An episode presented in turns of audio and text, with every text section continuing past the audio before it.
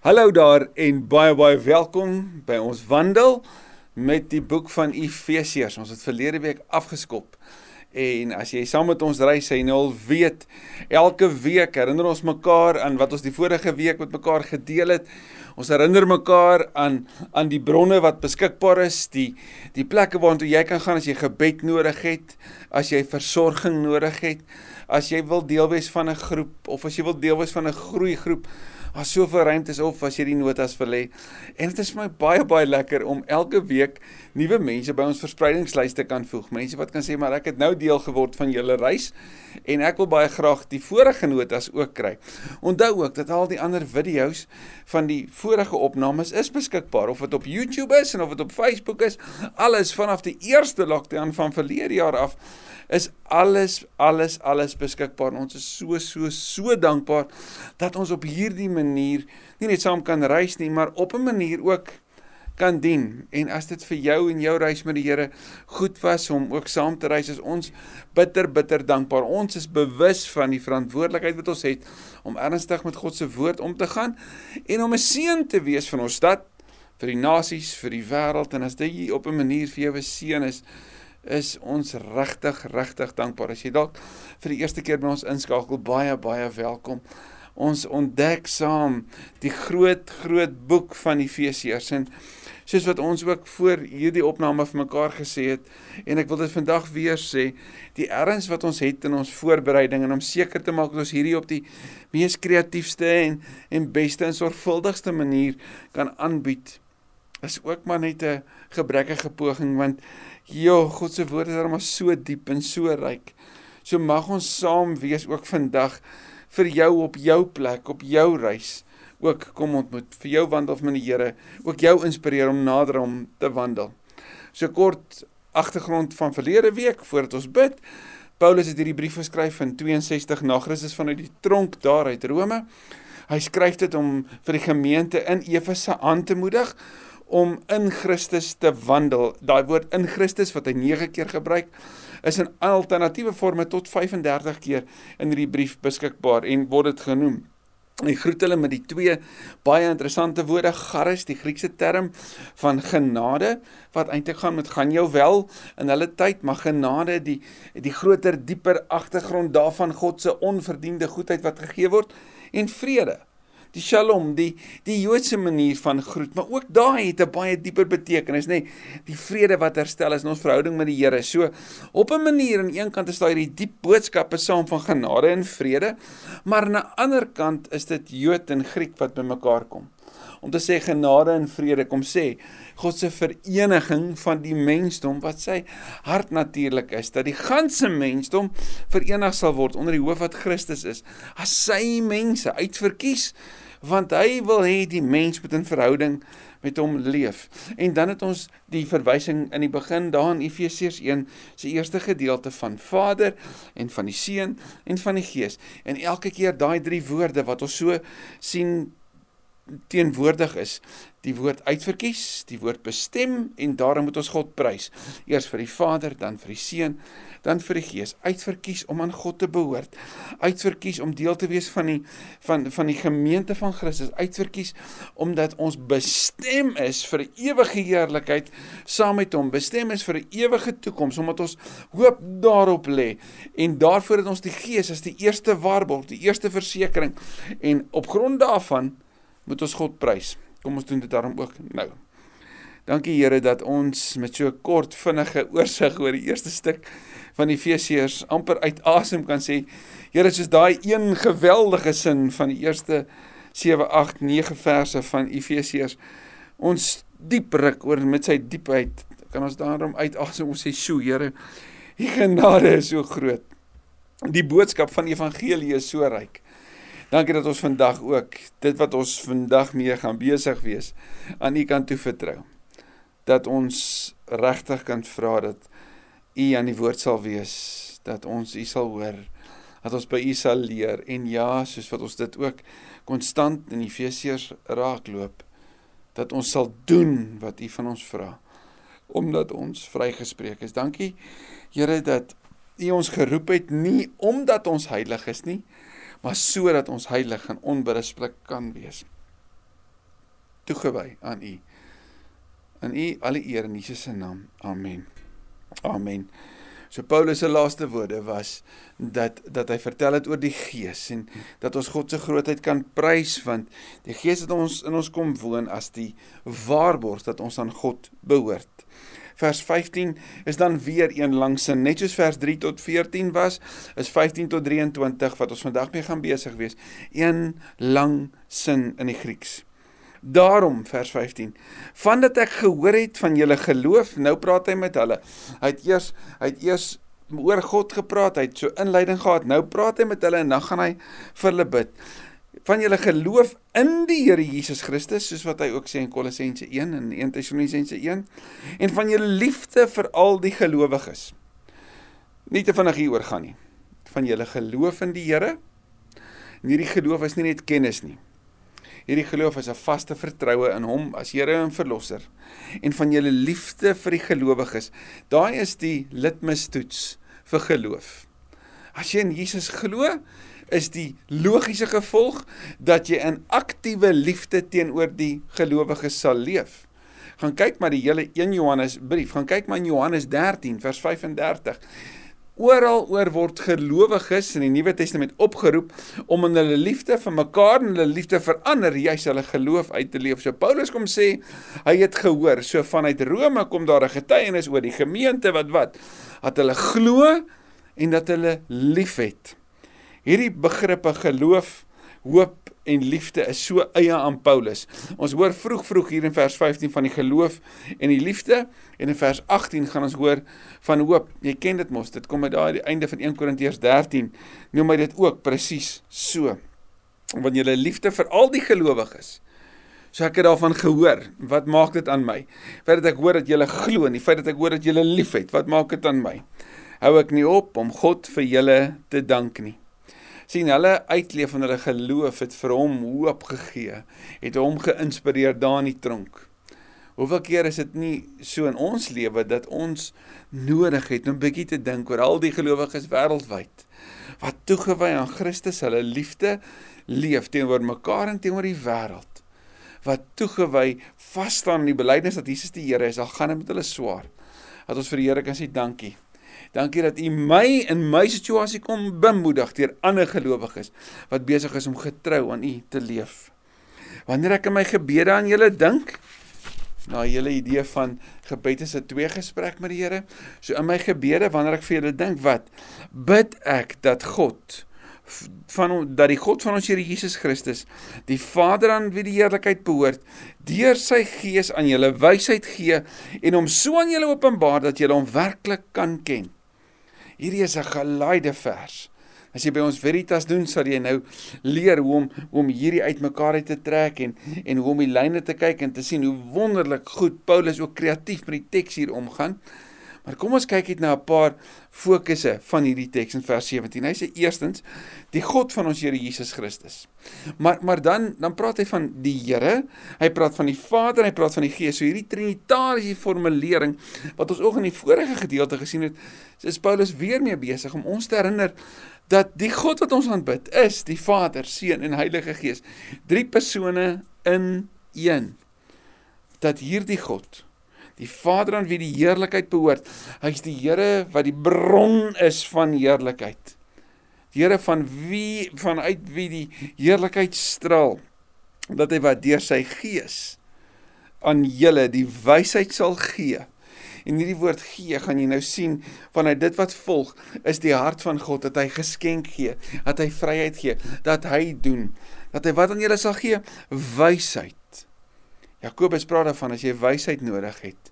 En die wysheid is nie 'n Griekse gnostiese term wat sê dis een of ander kennis, een of ander logos stukkie waarheid wat jy moet hê wat hierdie misterie is wat aan 'n bepaalde groep mense gegee word nie. Nee, hierdie is die wysheid om God te kan ken die wysheid om om hom te kan dien. Hierdie wysheid wat vir die wêreld soos dwaasheid lyk. Maar sien hierdie wysheid lei daaraan toe dat jy hom erken as die Here van jou lewe, dat jy agter hom aanstap, volgens sy grondwet sal lewe en met sy wêreldbeeld sal optree wat vir die wêreld na dwaasheid gaan lyk.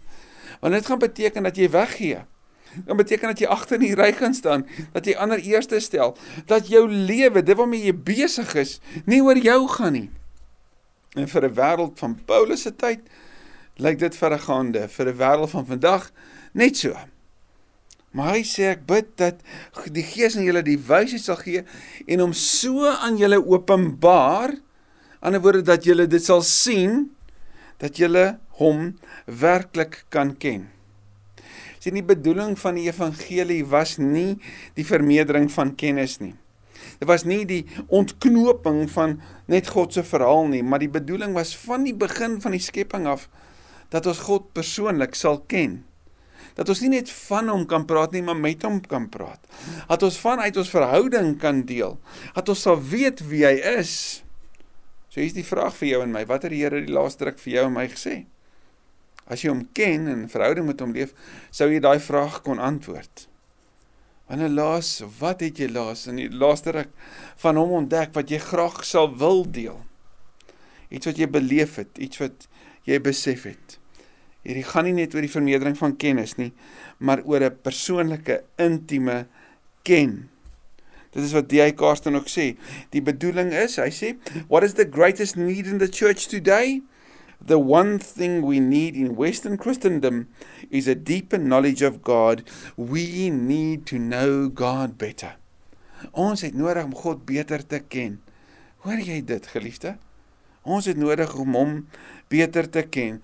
En kyk mooi wat sê Paulus. Hierdie God van die heerlikheid.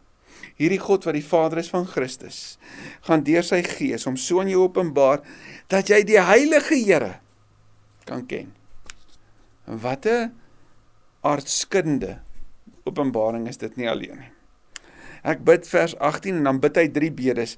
Hy bid vir hoop, hy bid oor die erfenis en hy bid oor God se krag. Hy sê ek bid dat julle geestesoë, dat hy julle gees so sal verhelder en en die woord verhelder hier is dat jou oë sal oopgaan, dat jy sal verstaan, dat jy sal besef. Die woord verhelder daar letterlik vertaal in die Grieks is die oë van verstaan dat hy julle geestes oë so sal verhelder dat julle kan weet watter hoop sy roeping inhou. Geloof, liefde, hoop. Hierdie hoop sê Hebreërs 6 is 'n vaste, veilige anker wat ons het agter die voorhangsel heen. Dis 'n vaste sekerheid waarop ek en jy kan staan. Die hoop is Christus. En hier sê ek hoop dat julle julle oë, julle oë so sal oopgaan dat julle sal besef watter groot hoop en hoop dra ons deur alle tye, nê. Nee. Sy roeping inhou. Wat is hierdie roeping? Sy roeping om aan hom te behoort, sy roeping om hom te ken, sy roeping om vir die wêreld te vertel wie Jesus is die roeping van die kerk om uit te gaan en disippels te maak om hulle lewe te waag sodat ander mense kan inkom en kan deel wees van hierdie goddelike familie en wat 'n rykdom daar is in die heerlike erfenis wat hy vir die gelowiges bestem het. So daar's 'n hoop in die roeping om vir mense dit te gaan sê. Hierdie roeping gaan beteken dat jy weerstand gaan beleef, dat jy vervolging kan beleef. In Paulus se tyd dat jy die tronk kan beleef.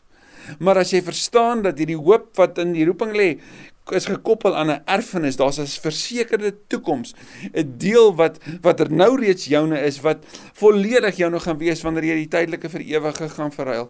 Dan kan jy met jou oë op jou ewige erfenis waarvan jy nou reeds deel is, kan jy hierdie tyd met 'n hoop leef wanneer jy die evangelie deel en by tye vervolging beleef wanneer dit by tye vir jou moeilik gaan, wanneer die land onveilig is, wanneer jou omgewing onveilig is, dat jy nie hooploos kan leef nie want jou oog is op die ewige erfenis. En vanuit daai ewige sekerheid kan jy nou vasbyt. Maar jou oë het nodig om oop te gaan dat jy dit kan verstaan. Want andersins kyk ons so vas in hier en nou dat ons dit kan mis die heerlike erfenis. Dis Johannes 14 vers 6 van vers 1 tot 6 sê wat Jesus vir ons 'n plek gaan voorberei wat hy vir die gelowiges bestem het. En is hierdie erfenis waarvan Petrus praat, waarvan Johannes veral ook in in Openbaring praat, hierdie plek wat jy weet waartoe jy gaan, waarvan Paulus praat, wat wat vir hulle gemotiveer het en vir wie hulle waaruit hulle die gelowiges wil motiveer wat jou en my ook moet motiveer om te sê ons weet waarheen ons gaan en daarom leef ons met hoop. En hoe geweldig groot, so hy het gebid vir die hoop, hy het gebid vir die erfenis en dan die derde, die krag. En hoe geweldig groot sy krag, daai woord is dinamis, waar hy ons natuurlik die woord dinamiet vandaan kry, is wat hy uitoefen in ons wat glo. Hierdie ons, kom sê Paulus, hy sê ek hoop vir julle, maar nou bring hy dit in en hy sê ons die krag wat hy beleef, wat glo. En glo is om te aanvaar, ons wat besef, ons wat bely. En kyk wat se krag is dit.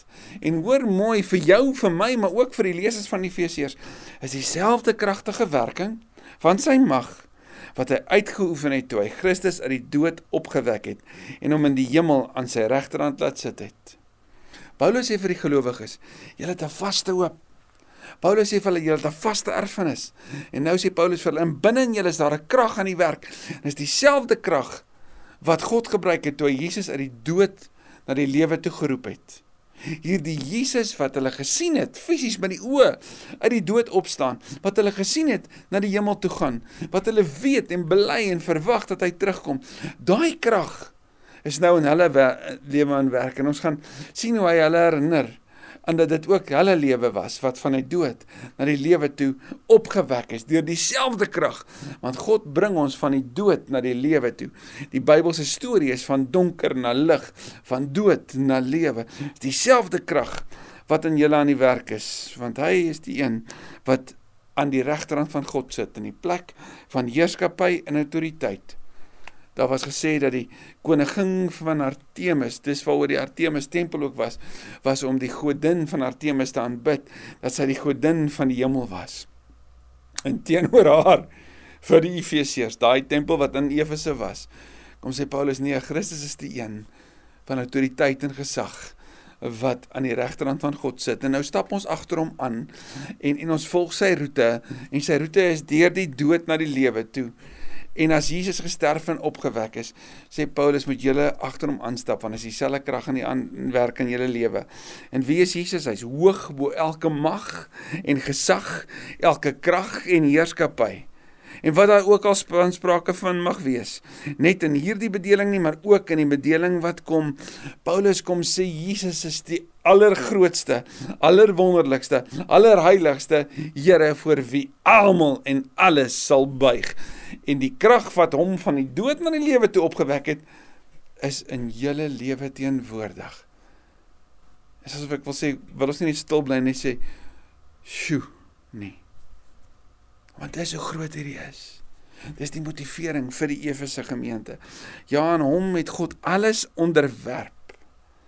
Gaan lees maar meer daarvan in Filippense 2 hom bo alles verhef en aan hom aangestel as die hoof van die kerk en hierdie woord hoof is kefalei dis kop Jesus is die hoof van die kerk hierdie Here hierdie meester hierdie een aan die regterhand van God is ook die hoof van die kerk wat beteken die kerk is ondergeskik nou julle eenvoudig net dit As my kop vir my lyf sê ons gaan nou stap, dan sal my lyf sê hier gaan ons.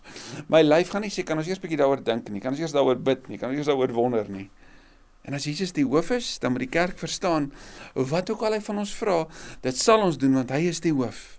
Hy is die heilige, hy is bo alles. Ja, en hom het God alles onderwerp, hom bo alles verhef en hom aangestel as die hoof van die kerk. En dan hierdie groot woorde. Die kerk is sy liggaam, die volheid van hom wat alles in almal vervul. Gaan lees meer in 1 Korintiërs 12 en Romeine 12 hieroor. As die kerk Jesus se liggaam is, dan kry elke lid van daai liggaam sy betekenis vanuit die geheel. Dan sê jy ek is omdat ons is en wie is ons? Ons is sy liggaam. So ons beliggaam saam kollektief Christus op aarde. Anders gestel, ons is nou sy hande en voete. Ons is die wat sy spreekbuis op aarde is. Want ons is sy liggaam en hy is die hoof. Nie een van ons is die hoof nie. Nie een van ons kan aanspraak maak daarop nie. Nie een van ons kan sê, maar ek het gehoor, so ek gaan vir julle sê wat ons nou sal doen nie. Saam is ons kefa, sy sy liggaam en is hy die kefalei, die hoof. En wie is hy? Die volheid. Ons is dit, nê? Nee? Hy is die hoof en ons is die volheid. Die woord volheid daar is die Griekse woord pleroma en pleroma beteken om volmaak te wees of om tot vervulling te bring. In kort dit. En en hierdie mag jou my help. Jesus is gestuur in die volmag van die Vader. In die Bybelse tyd het 'n verteenwoordiger in volmag van die keiser gegaan na die dorpe en die stede toe waartoe die keiser nie kon gaan nie. As die verteenwoordiger daar aangekom het, is hy ontvang asof hy die keiser self was. Die besluite wat hy dan geneem het en afgekondig het, het hy net so by die keiser gehoor.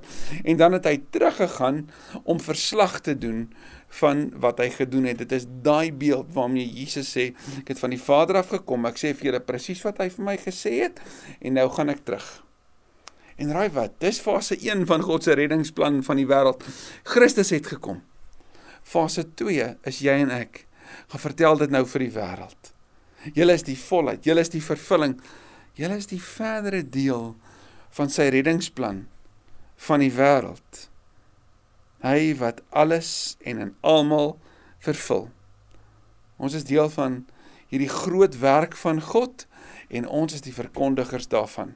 Dit word sigbaar in ons geloof, in ons liefde en ons hoop. Amen. Sjoe, Here, is 'n mond vol. Dis groot. Dankie dat dit die waarheid is. Mag ons hieraan vashou. Mag ons u liggaam wees. Mag ons mekaar sien as lede van u liggaam sodat ons u volheid kan bring in 'n wêreld wat smag daarvoor. Weerhou ons daarvan om op onsself te fokus. Weerhou ons daarvan om op ons eie gemeente dalk te fokus of ons eie groepering van gelowiges of vriende te fokus herinner ons, inspireer ons, vier ons aan om te weet ons is daar om die volheid van Christus wat alles en almal vervul in hierdie wêreld bekend te maak en te leef. Dankie vir u woord vir my vandag. Amen. Amen.